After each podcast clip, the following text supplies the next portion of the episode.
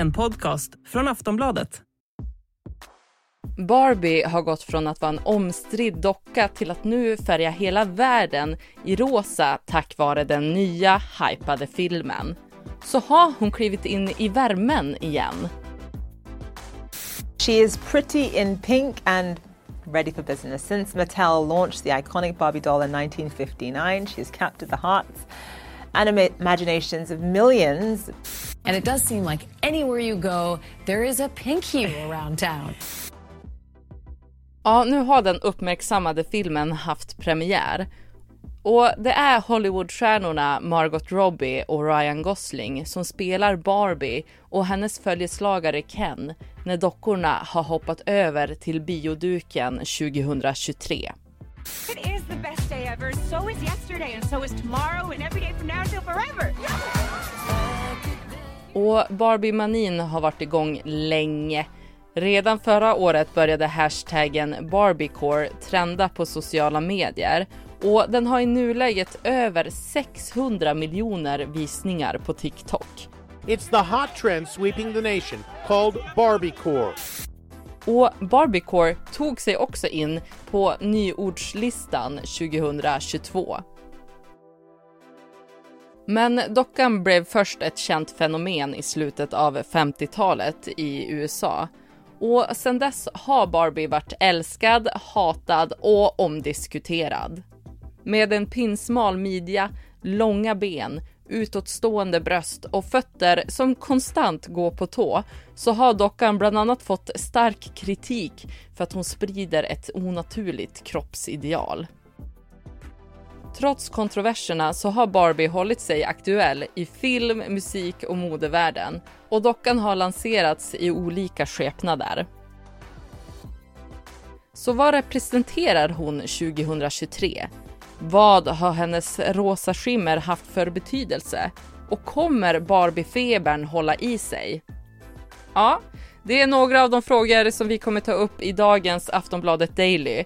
Jag heter Ellen Lundström. Och jag har med mig Aftonbladets kulturskribent Minna Högren.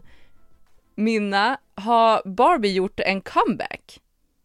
Ja, men det tycker jag verkligen man får säga att hon har gjort. De har ju jobbat med den här filmen liksom i flera år nu och man såg hur priserna liksom eh, bara steg efter premiären och alla de här samarbetena som vi har sett. Eh, det, är ju, det är ju verkligen Barbie som gör comeback nu. Det är, det är det vi ser liksom. Och du har ju sett den här nya filmen. Hur speglas Barbie i den?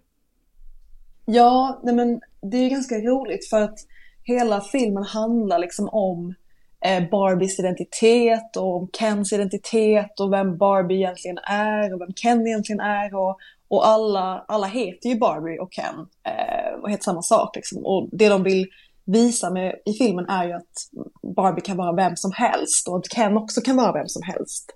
Eh, och att det egentligen inte finns en eh, specifik Barbie, även om vi kanske tänker på Barbie som den här stereotypa Barbie som, som Margot Robbie också spelar. Eh, men Barbie har ju haft liksom allt från eh, astronautyrken, hon har varit president, hon har varit sjuksköterska, alltihopa. Eh, och det är väl det som de också, som Mattel vill visa i den här filmen, att, att, de, att man kan vara vem som helst och att det kan vara lek och att det kan vara fritt och härligt liksom. För man tänker ju på det att det är ju Margot Robbie och Ryan Gosling som spelar Barbie och Ken. Och de båda är ju blonda och går ju som att sätta i det här normativa skönhetsidealsfacket. Mm. Vad tänker du att det skickar ut för signaler? Ja, men det, det är ju ett problem som hela Hollywood, hela filmbranschen hela tiden tampas med.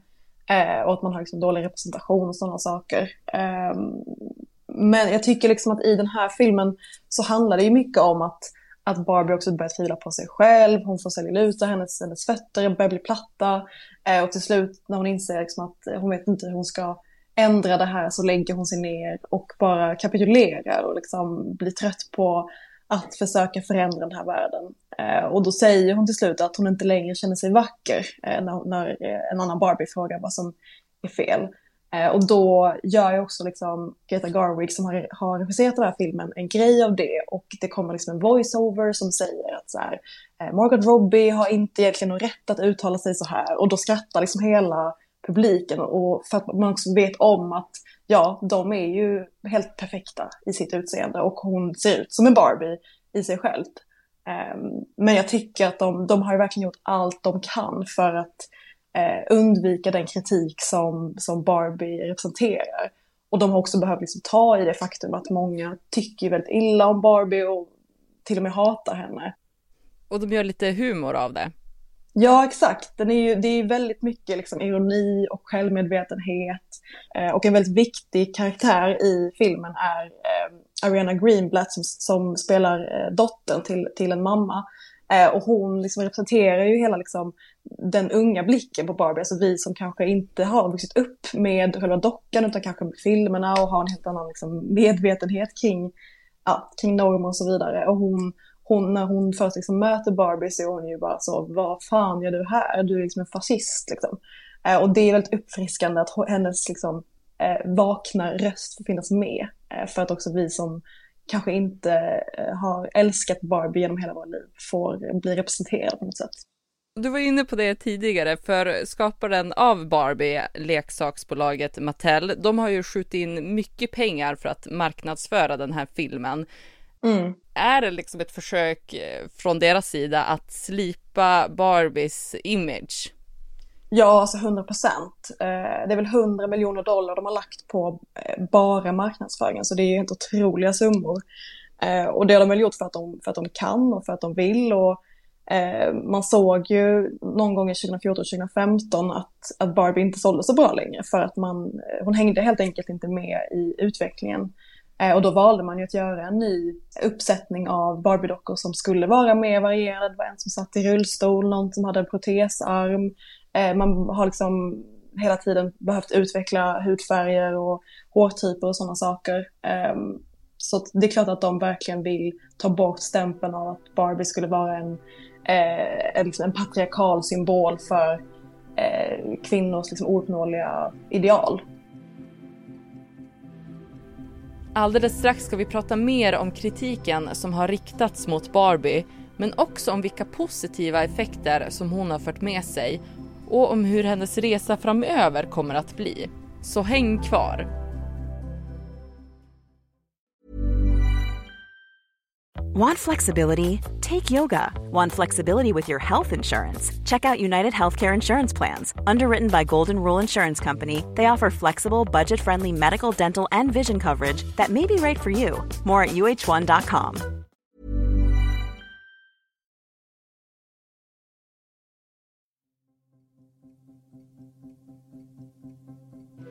Minna, kan du berätta mer om kritikstormen som har varit mot Barbie? Ja, nej, men hon har ju alltid kritiserats eh, ända sedan den första Barbien fick se ljuset 1959. Eh, och det är för att hon har varit blond och smal och endimensionell och alltid ler och aldrig visar några känslor och eh, inte haft så mycket agens liksom. Eh, och det finns ju de som har gjort studier på detta och visar att, att flickor som, som har lekt med Barbies har haft en helt annan eh, helt annan syn på sin kropp. Och att, eh, man gjorde liksom en, en undersökning där, där, flickor fick leka med en, en kurvigare version av en Barbie och då den klassiska Barbien. Och liksom i alla försök så visar man att de som har lekt med Barbien har en, en mer negativ bild av sin egen kropp. Eh, och det är ju såklart eh, jättehemskt och det är inte heller så, man blir inte så förvånad. Det är klart att om man hela tiden stirrar på en, på en perfekt version eh, av det som skulle kunna vara ens framtida jag så sätter det ju grillor i, i huvudet. Och kanske inte någonting som man tänkte på när man var liten heller, men som ändå sätter sina spår. Ja, absolut. Det tog ju ganska lång tid för Mattel att, att förstå det här, att det var viktigt för både liksom föräldrar och de som faktiskt lekte med Barbien att, att eh, representera en, en bredare befolkning. Eh, så man tog ju fram en, eh, en liksom ny uppsättning av Barbie-dockor där det fanns olika kroppsformer. Man hade en som var tal, en som var petit och en som var curvy. Eh, det var i sju olika hudtoner, 22 olika ögonfärger och 24 olika frisyrer. Men det här var ju då 2016 så det, det tog ju ett litet tag innan de faktiskt tog tag i det här och förstod att de behövde göra lite förändringar. Och har det gjort att eh, kritiken har lugnat ner sig? Ja, men det tror jag ändå. Det var ju många som ändå eh, uppskattade den här förändringen. Det fanns ju en Barbie som satt i rullstol då som sagt och det var ett av de mest efterfrågade, eller en av de mest efterfrågade accessoarerna under hela Barbies liksom, livstid. Ehm, men samtidigt så kan man ju också se det som någon slags så här pinkwashing där man försöker få Barbie att framstå som en medveten eh, leksak som, som absolut inte står för några skeva ideal. Eh, och man kan ju diskutera det ja, fram och tillbaka om, om bara för att hon sitter i en rullstol så kanske hon fortfarande ändå står för en, en smalhetsnorm och en, eh, ja, en, en plast, plastisk norm om att och det är det som Barbie är, hon är ju plast liksom. Hon är ju, hon är ju inte mänsklig. Och det är ju liksom, det är ju i Barbies natur att vara, att vara så långt ifrån oss människor. Eh, och då är frågan om det någonsin kommer göra henne mer mänsklig, bara att man liksom, eller om man bara förklär det genom att eh, låtsas att hon är lite mer medveten. Då har vi pratat lite om kritiken, men finns det några positiva effekter som Barbie har fört med sig? Ja, men det som Mattel också vill framföra är ju att Barbie skulle ju ersätta liksom, den traditionella dockan där unga flickor liksom lekte mamma vid väldigt tidig ålder, typ som när de föddes, och att man skulle liksom in i den här mammarollen från det att man liksom började gå typ. Och, och Barbie blev ju någonting helt annat i det. Det är ju liksom någonting att Barbie är en vuxen kvinna och hon har alla de här yrkena, hon kan ha på sig vad hon vill, hon kan liksom, hon åker sin rosa bil, hon är liksom på något sätt huvudpersonen i hennes egna universum i Barbie World. Och det är ju väldigt eh, härligt att liksom hon får vara liksom ägaren över sin egna värld. Och det är klart att det ändå finns någonting det. Och Ruth Handler som är liksom grundaren av Barbie, hon har ju försvarat sin docka i alla tider och eh, på 70-talet så sa hon att, eh, att alla flickor behöver en docka att projicera sitt framtida drömjag på. Och, och det låter ju ganska fint att säga, ja men det är klart att vi behöver någon, en förebild liksom. Eh, men frågan är ju ifall det är så bra då att, att unga tjejer hela tiden eh, projicerar en bild av sig själv på en, på en docka eller om man egentligen kanske skulle önskat att man, att man ägnade den tiden åt någonting annat som inte var att hela tiden stirra en version av sig själv i ögonen dag in och dag ut. Och Barbie Ken, hur har bilden av honom förändrats genom åren?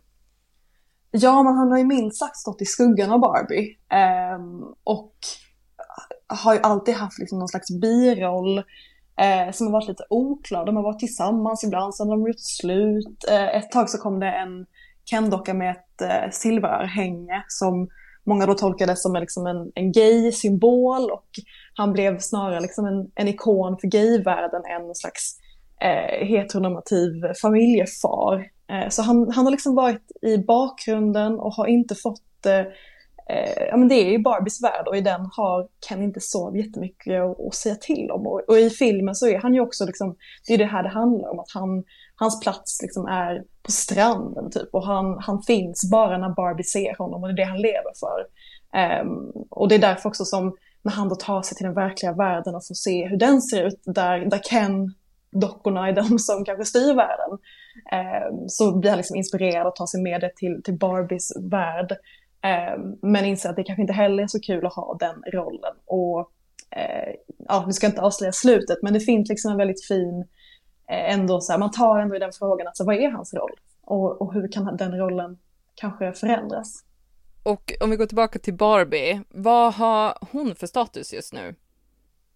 Ja, alltså i och med den här filmen eh, så kommer det säkert förändras ytterligare, men det som är eh, också en positiv liksom, sidoeffekt av Barbie är att hon har eh, inte bara varit en symbol för eh, att vara besatt av sitt utseende och sådana saker, utan det finns ju en lek i Barbie eh, som också används och återspeglas inom transvärlden och liksom i dragrace-kulturen.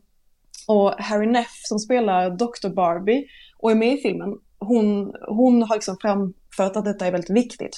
Eh, I podden High and Low with Emrata blev intervjuad och pratade om att eh, hon kanske skulle ha problem med att delta i filminspelningen och sådana saker. Om att hon då hade skickat ett långt brev till Margot Robbie och Greta Garwig och sagt att om, om ni inte har med mig som, som en av barbiesarna i filmen så måste ni ha liksom en annan transkvinna för att eh, att vara trans är också att vara en, en docka, liksom att man, man klär på sig, man klär ut sig, man, man iscensätter en roll. Um, och att det liksom är ett liksom etablerat uttryck inom transvärlden att använda ordet dolly. Eh, där man liksom också leker med smink och man leker med hår och med sin, det blir ett konstnärligt uttryck. Eh, och på så sätt så blir ju ut, eh, Barbie som status någonting helt annat än vad det kanske var i grunden och det tycker jag är väldigt fint. Jag tror att vi kanske kommer att se tillbaks på den här filmen om 10 till 20 år och liksom skratta lite. Ja men det var så här vi höll på. Den här filmen handlar ju om, liksom, om identitet och eh, om, om, klassiska frågor, om feminism, om, om manligt och kvinnligt och eh, vem man är och sådana saker. Och vi kommer säkert skratta åt den här och säga ja så här höll vi på och det här var liksom årtiondets största PO-jippo. Eh, och det var kul men det var också knasigt och ja. Eh, eller så kommer vi bara fortsätta ha den här diskussionen om vad de representerar och vad de står för. Och, Eh, eller så kommer vi liksom ha släppt det och tänkt att vi har viktigare saker att bry oss om än om Barbie målar naglarna i rosa eller någon annan färg. Det säger Minna Högren som är kulturskribent här på Aftonbladet. Och det var allt för dagens Aftonbladet Daily med mig, Ellen Lundström. Vi hörs snart igen. Ha det fint så länge.